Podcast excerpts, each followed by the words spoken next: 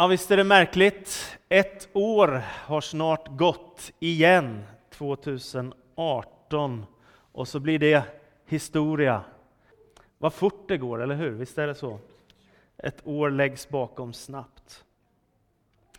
Därför så tänkte jag nu när ett nytt år ligger framför att jag ska försöka säga någonting om vishet. Och jag satte rubriken på predikan Vishetens väg. Det har blivit allt viktigare för mig med det här ämnet och jag återkommer till det då och då. Och hela Ordspråksboken är full utav vägledning, andlig vägledning när det gäller detta ämne. Om någon frågade dig om du var en vis eller är en vis människa, vad skulle du svara då? Om du tänker efter på riktigt, hur hanterar du ditt liv? Hur hanterar du dina relationer? Har du tillräckligt tid med tid för din familj eller din livskamrat eller dina barn, om du har familj? Hur förvaltar du din tid som pensionär när du kanske har lagt arbetslivet bakom dig? Hur går det med ekonomin? Hur hanterar du din hälsa som ju kan vara ganska tuff ibland? Hur hanterar du tillvaron? Och får Gud plats i vardagslivet? Eller lever du för stressat med för många uppdrag? Hinner du be eller hinner du inte be? Och är ditt livstempo i rätt ordning? Det är ju olika var vi är i livet någonstans, så det kan vara väldigt tufft med tempot när man är barnförälder och har små barn. Och det kanske kan vara ganska lugnt i livet när man har sommarlov och är tonåring, eller när man har lagt arbetslivet bakom sig och kan välja lite mer. Vi har olika förutsättningar beroende på vår livssituation och var vi är i livet. Men därför är det intressant att Bibeln är fylld med så många ord av vishet. Ord som visdom och vis och vishet återkommer mer än 100 gånger i skriften. Så den som läser Ordspråksboken kan ganska snabbt bli fascinerad av att för många tusen år sedan fanns det människor som tänkte i de här banorna som vi också brottas med här och nu 2018. Och så gör den ofta en kontrast mellan den vise och dåren. Den som fattar kloka beslut och den som fattar dåraktiga beslut. Två vägar i livet. Ganska skarpt generaliserande och ändå så viktigt. För det är väl ändå så kanske att egentligen finns det bara två typer av val. Val som är kloka och val som inte är så kloka. Sen är det roligt att det finns riktigt komiska ordspråk i Ordspråksboken också. Lyssna på de här. Bättre än torr brödkant i lugn och ro än huset fullt med kalasmat och bråk. Det hjälper inte bara att ha god mat. Man behöver ha lite god stämning där hemma också, eller hur? Eller den här, den är en av mina favoriter i Ordspråksboken. Besök inte din vän för ofta. Får han för mycket av dig tål han inte dig. Kan du se den här människan komma till dig igen? Va? Han var där igår och i förrgår och förra veckan också. Så kommer han igen och ser sig själv som ett enda stort erbjudande och så bara, åh, hur ska man orka? Besök inte din vän för ofta. Den här är fantastisk också. Dörren vänder sig på gångjärnet och den late vänder sig i sängen. Vilken fantastisk människa! Nej, jag tar det lite lugnt till jag vänder mig igen. Och så går timmarna. Ja, så kan man spendera sitt liv. Den här är också underbar innan vi läser bibelordet tillsammans för dagen. Välsignar man någon högljutt tidigt på morgonen så tas det som en förbannelse. Kan du se den välsignade glade mannen klockan fem, sex på morgonen ropa halleluja, jag är glad och frälst. Och hustrun säger tyst, jag vill sova. ja, så är det. Kontrasterna är härliga. Det finns en del roliga ordspråk i Ordspråksboken. Men nu läser vi från kapitel 4, vers 3 till vers 27. Ordspråksboken 4, vers 3 till vers 27. När jag själv var ett barn hos min far, en liten pojke, min mors enda son, lärde han mig. Håll fast vid mina ord, följ mina bud så får du leva. Förvärva vishet, förvärva insikt. Glöm aldrig vad jag har sagt och vik inte av från det. Överge inte visheten, hon ska bevara dig. Älska henne, hon ska skydda dig. Vishet är viktigast. Förvärva vishet. Ge allt du äger för att förvärva insikt. Håll henne högt så upphöjer hon dig. Omfamna henne så ger hon dig ära. Hon ska kröna dig med sin krans, skänka dig en ståtlig krona. Lyssna min son, ta emot mina ord så får du leva länge. Vishetens väg lär jag dig. Jag leder dig på rätta stigar. Där kan du gå utan möda och utan att möta hinder, springa utan att snava. Håll alltid fast vid den fostran du fått. Ta vara på den, ty den är ditt liv. Följ inte de ondas väg, slå inte in på de gudlösa stig. Undvik den, gå den inte, vik åt sidan och gå förbi. De kan inte sova om de inte har gjort något ont. Sömnen flyr, dig, flyr dem om de inte får någon på fall. De äter brottets bröd och dricker våldets vin. Men de rättfärdiga stiger som gryningens ljus, som växer tills dagen är full. Men de ondas väg är som mörkret. De vet inte var de kan snava. Min son, lyssna till vad jag säger. Hör noga på mina ord. Släpp dem aldrig ur sikte. Bevara dem i ditt hjärta. Ty de ger liv åt den som finner dem och läkedom åt hela hans kropp. Mer än allt annat, vakta ditt hjärta, ty hjärtat styr ditt liv. Låt aldrig din mun tala falska ord, avhåll din tunga från svek. Rikta blicken rakt framåt, se på det som ligger framför dig. Ge akt på var du sätter foten, så att du vandrar alltid, så att du vandrar du alltid på fast mark. Vik inte av åt höger eller vänster, håll dig borta från det onda. Den här bibeltexten tar oss in på vishetens väg. Jag tycker så mycket om det begreppet. Och jag har läst mycket i Bibeln på sista tiden. Jag läste igenom hela Ordspråksboken igår för att bara påminna mig om vad är det för väg du kallar oss att vandra på, Gud? Jo, den vägen kan man beskriva på så många olika sätt. Kärlekens väg, frihetens väg, frälsningens väg, helighetens väg. Så många olika uttryck finns det för att vandra med Gud. Det är att vara på en resa. Och här så används ordet vishetens väg. Att vandra på vishetens väg. Nu ska jag skicka med dig tio bibelord ifrån Ordspråksboken som du ska få med dig på din livsresa inför 2019. För det första, Vishet, det är att vandra på den goda vägen och undvika den onda.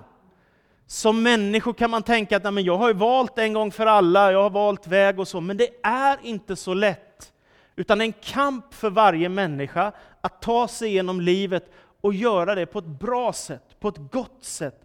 Det som behagar Gud och det som är välbehagligt. Vishetens väg lär jag dig, står det i texten. Jag leder dig på rätta stigar och följ inte de ondas väg. Det är en frestelse i vårt liv då och då att gå in på vägar som är destruktiva, som inte är bra för oss, som leder oss vilse och tar oss bort ifrån Guds vilja och leder oss in i ovishet. Så vandra på den goda vägen Undvik det onda. Sätt upp gränser för dig som hjälper dig att inte hamna på fel väg i livet. Jesus utmanar oss att vandra på den smala vägen som leder till livet. Och så säger han den breda vägen kan verka som en väldig frestelse med alla möjligheter och resurser. Det är bara att den leder till fördärvet. Så vandra på vishetens väg, livets väg, som leder till himmelriket. Jag glömmer aldrig när en av mina barndoms vänners syster helt plötsligt började knarka. Hur kan det gå till att man helt plötsligt från att ha funnits i ett vanligt sammanhang börjar dra i sig massa droger. Visst är det märkligt? Och ändå så händer det många människor i Sverige, och det är jättetragiskt. Och visste du, på tal om det, jag kommer tillbaka till det alldeles strax, jag håller på att försöka skriva färdigt en ny bok just nu, och då har jag läst mycket om hur svenskarna mår. Visste du att 450 000 svenskar kämpar med alkoholproblem? Det är nästan 5 procent av vår befolkning som brottas och kämpar och inte kan låta bli flaskan. Det är märkligt. Så många människor som bedövar sig själva och som så lätt hamnar på en destruktiv väg som inte är bra. Livet kan vara tufft, jag vet det. Och vi går alla igenom prövningar och svårigheter och därför så är det så viktigt att vandra på vishetens väg. Erik Tilling han har skrivit en sång när han sjunger Är vägen smal och krånglig, så bed dig fram. Är vägen mörk och snårig, så bed dig fram. Är vägen bred och farlig, så bed dig fram. Den enda som kan hjälpa dig, det är han. Och detta är min tro, detta är kristendomens kärna och centrum, att Gud vill oss väl. Därför vandra på vishetens väg och undvik det onda. Det kommer bara förstöra för dig. För det andra, vishet är att lära sig av kloka människor. Tänk att man inte bara måste göra alla misstag själv, utan man kan få hjälp att lära sig av andra hur man ska vandra på livets väg. Tänk att det finns så många kloka människor som har levt länge, som har gjort en viktig livsresa och som kan lära andra hur man vandrar på den här vägen. Och det står i Ordspråksboken 13, den som vistas bland kloka blir klok och den som umgås med dårar går det illa. Igen de här drastiska, kanske generaliserande kontrasterna. Och ändå finns det en sanning i detta. Om du ägnar ditt liv åt dårskap så blir ditt liv destruktivt. Därför, se till att du hittar kloka människor som kan hjälpa dig att vandra på den väg som Gud kallar oss till. Tänk vad många samtal, föreläsningar och predikningar som jag har fått lyssna på och som har blivit till hjälp och välsignelse i mitt liv. Vilken lycka det är för mig. Jag tänker på ett antal mentorer jag har haft i livet som har väglett mig och som har hjälpt mig att se viktiga saker. När jag var 30 år gammal så hade jag slarvat med mitt liv för att jag jobbade alldeles för hårt, för jag var så sugen på att det skulle gå bra ni vet, i församlingsarbetet. Så jag jobbade för hårt och jag slarvade med maten. Jag började hoppa över luncher och grejer för att hinna ännu mer. Ni vet. Så dåliga val som man kan göra. Och så blev jag sjukskriven och så satt jag hos min mentor och så sa jag så här, jag har velat vara en brinnande kristen. Hur kunde jag hamna här? Att jag blev sjukskriven. Och då svarade han mig så här, du har svarat på en fråga, hur du vill vara som kristen. Du har inte svarat på frågan hur du vill vara som make, hur du vill vara som pappa, hur du sköter din hälsa och hur du prioriterar din tid. Det är ganska bra, eller hur? Att få lite hjälp med ett vidgat perspektiv. Kloka människor kan hjälpa dig på vägen genom livet så att du slipper göra alla misstag som man kan undvika. Vishet, det är att hitta hitta en kurs i livet och hålla sig på den vägen. Kloka människor kan hjälpa dig med det. För det tredje, vishet är att göra kloka val. Det är så viktigt vilka val du fattar i ditt liv. Du tänker kanske, men det spelar väl inte så stor roll vad jag fattar för beslut i mitt liv, men det gör det. Därför att det du tänker och gör idag, det blir ditt liv imorgon, eller hur? Det du prioritera det du ger tid och kraft åt, det är det som sen blir ditt liv. Det är inte så att du kan ägna hur mycket tid som helst åt en sak och hoppas att det ska bli jättebra på ett annat område. Utan man behöver välja väg i livet. Man behöver göra kloka val. Och man ska göra som människa val i livet om vad man köper för någonting. Var man ska bo någonstans, vilken utbildning man skaffar sig. om man ska gå och gifta sig och hur man hanterar sin familj. Och, ni vet, det finns så många val man ska göra. Och därför är det så viktigt att tänka på vad är kloka val? Och då står det i Ordspråksboken, klokheten ska värna dig och insikten ska beskydda dig. Om du söker efter Guds vishet så kommer det hjälpa dig fram genom ditt liv. Och ditt liv kommer att få välsignelser som du inte får om du gör val som inte är kloka. Det är viktigt med beslutsfattande. Om man tänker kanske, men är det verkligen så viktigt? Ja, men hur kan det komma sig att människor till exempel drar på sig enormt stora ekonomiska skulder som man inte kan hantera?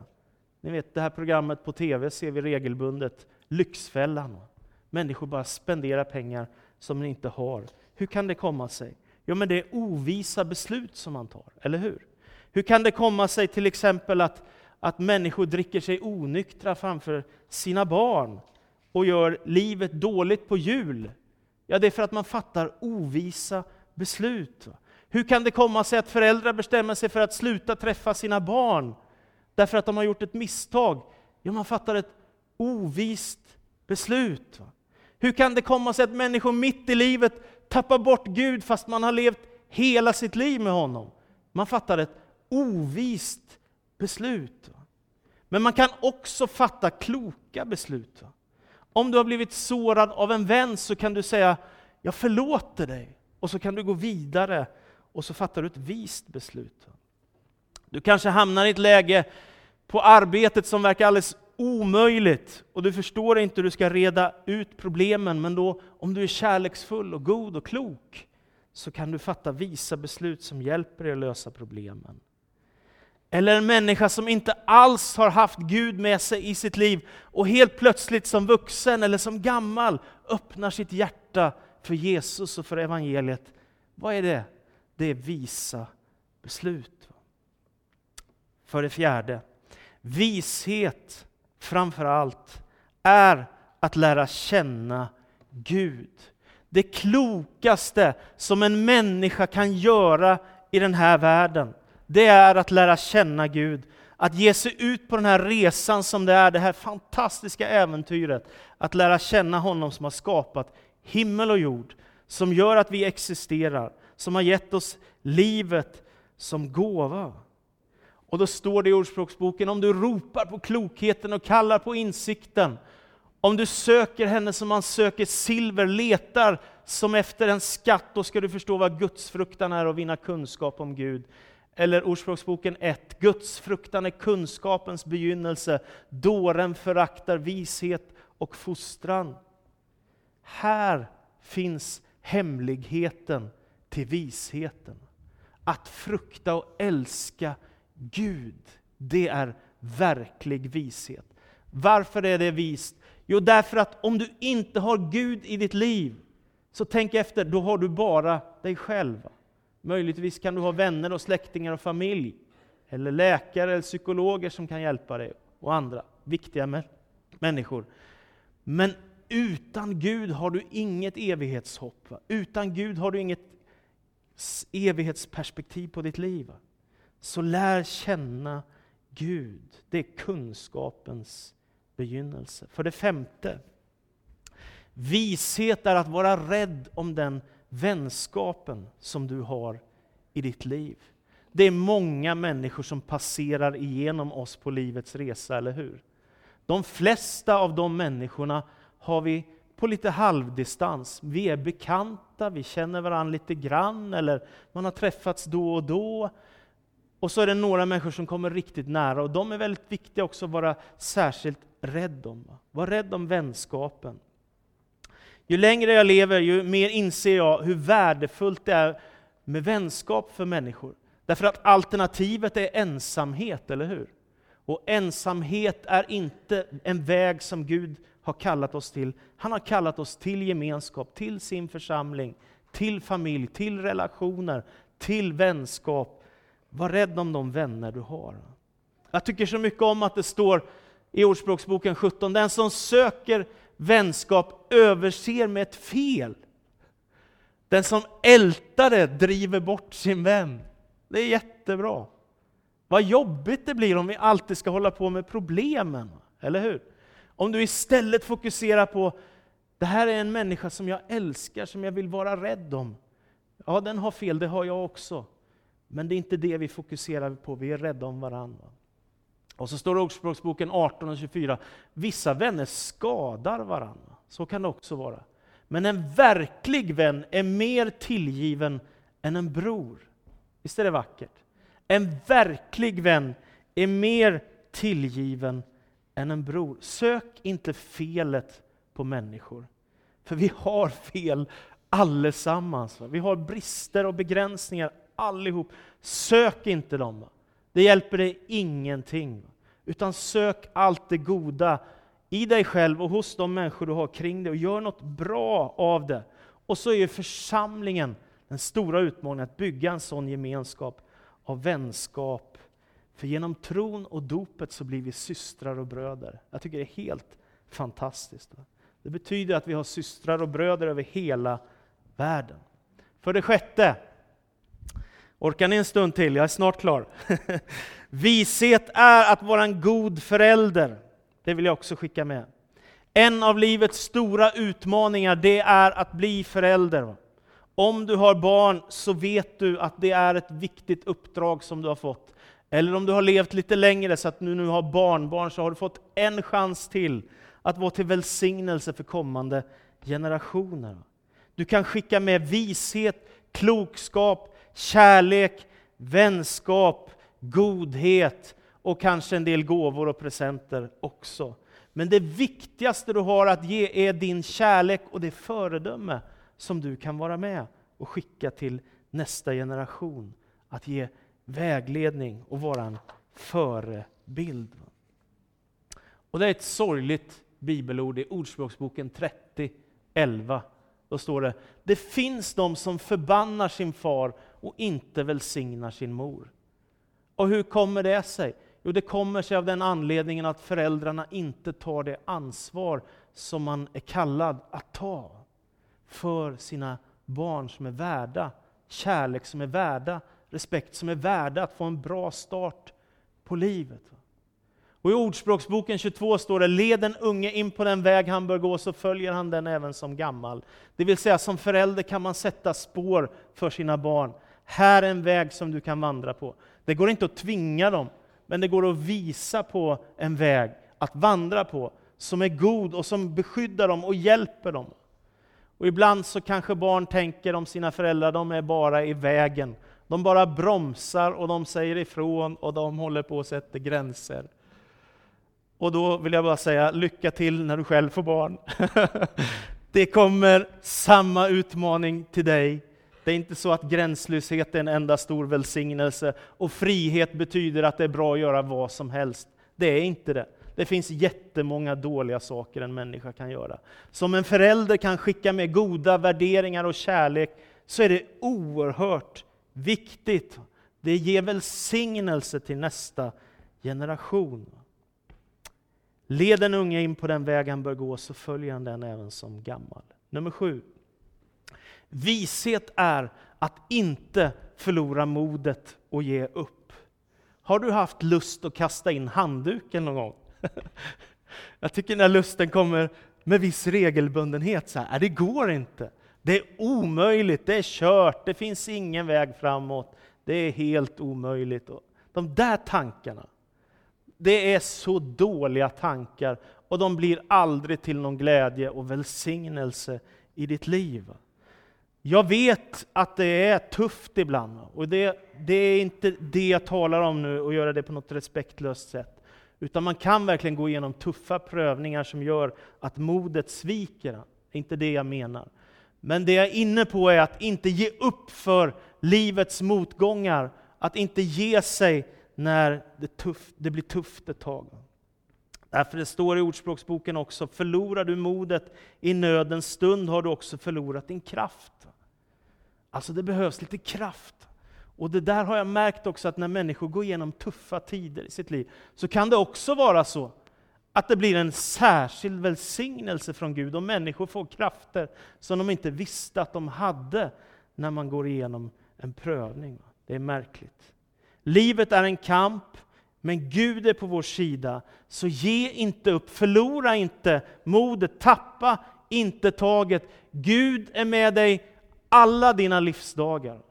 Och därför finns det alltid hopp för den som tillhör Jesus Kristus. Förlora inte modet, ge inte upp. Du ska med ett tag till. Nummer åtta. Vishet är, om du hamnar i konflikt, att vara rädd om människor och förlåta. Det här är en läxa som är så viktig att lära sig. Jag har märkt ett antal gånger i mitt liv, det är sällan som det händer, men jag har märkt ett antal gånger i mitt liv att det är lätt att brusa upp för någon, har en helt annan uppfattning eller säger något som man tycker är förolämpande eller, eller drar konsekvenser i det vi håller på med så att det ställer till det för oss. och så där. Det är lätt att då bli för uppretad eller för att liksom släppa loss massa ord som man får ångra efteråt. Och då står det i Ordspråksboken 20 och 22, säg inte jag ska hämnas oförrätten, lita på Herren, han ska hjälpa dig. Vilket skönt sätt att leva. Istället för, ja nu ska min sann, så istället bara, nej men jag bara lämnar detta, jag lägger det i Guds händer. Jag bara lämnar det och jag försöker att försonas och förlåta. För det är fantastiskt. Och jag märker varje gång jag hör de här orden från människor som sa, han sa så, hon sa så, hon gjorde det, jag var med om det här. Och så är det saker som kanske hände för 10 år sedan, 20 år sedan, 30 år sedan. Och vem är det som sitter fast? Det är ju inte den som gjorde något fel antagligen, utan det är du och jag som går och ältar det som vi inte kan förlåta eller släppa. Vad betyder det? Betyder det att, att saker är okej okay som blev fel. Nej, men det är det ju inte. Det är inte det det handlar om. Att förlåta är inte att säga att det var okej, okay, det som blev fel, eller det som gjorde dig illa. Det är inte alls det det handlar om. Men det är att säga, nu ligger det bakom och jag förlåter så att jag kan gå vidare och vara fri. Istället för att gräva ner mig i svårigheterna, i bitterheterna. Så det är bara mitt råd som jag hämtar ifrån skriften. Lita på Herren, han ska hjälpa dig. Nummer nio, snart klart. Vishet är att inte missbruka droger. Behöver man säga det i en pingkyrka?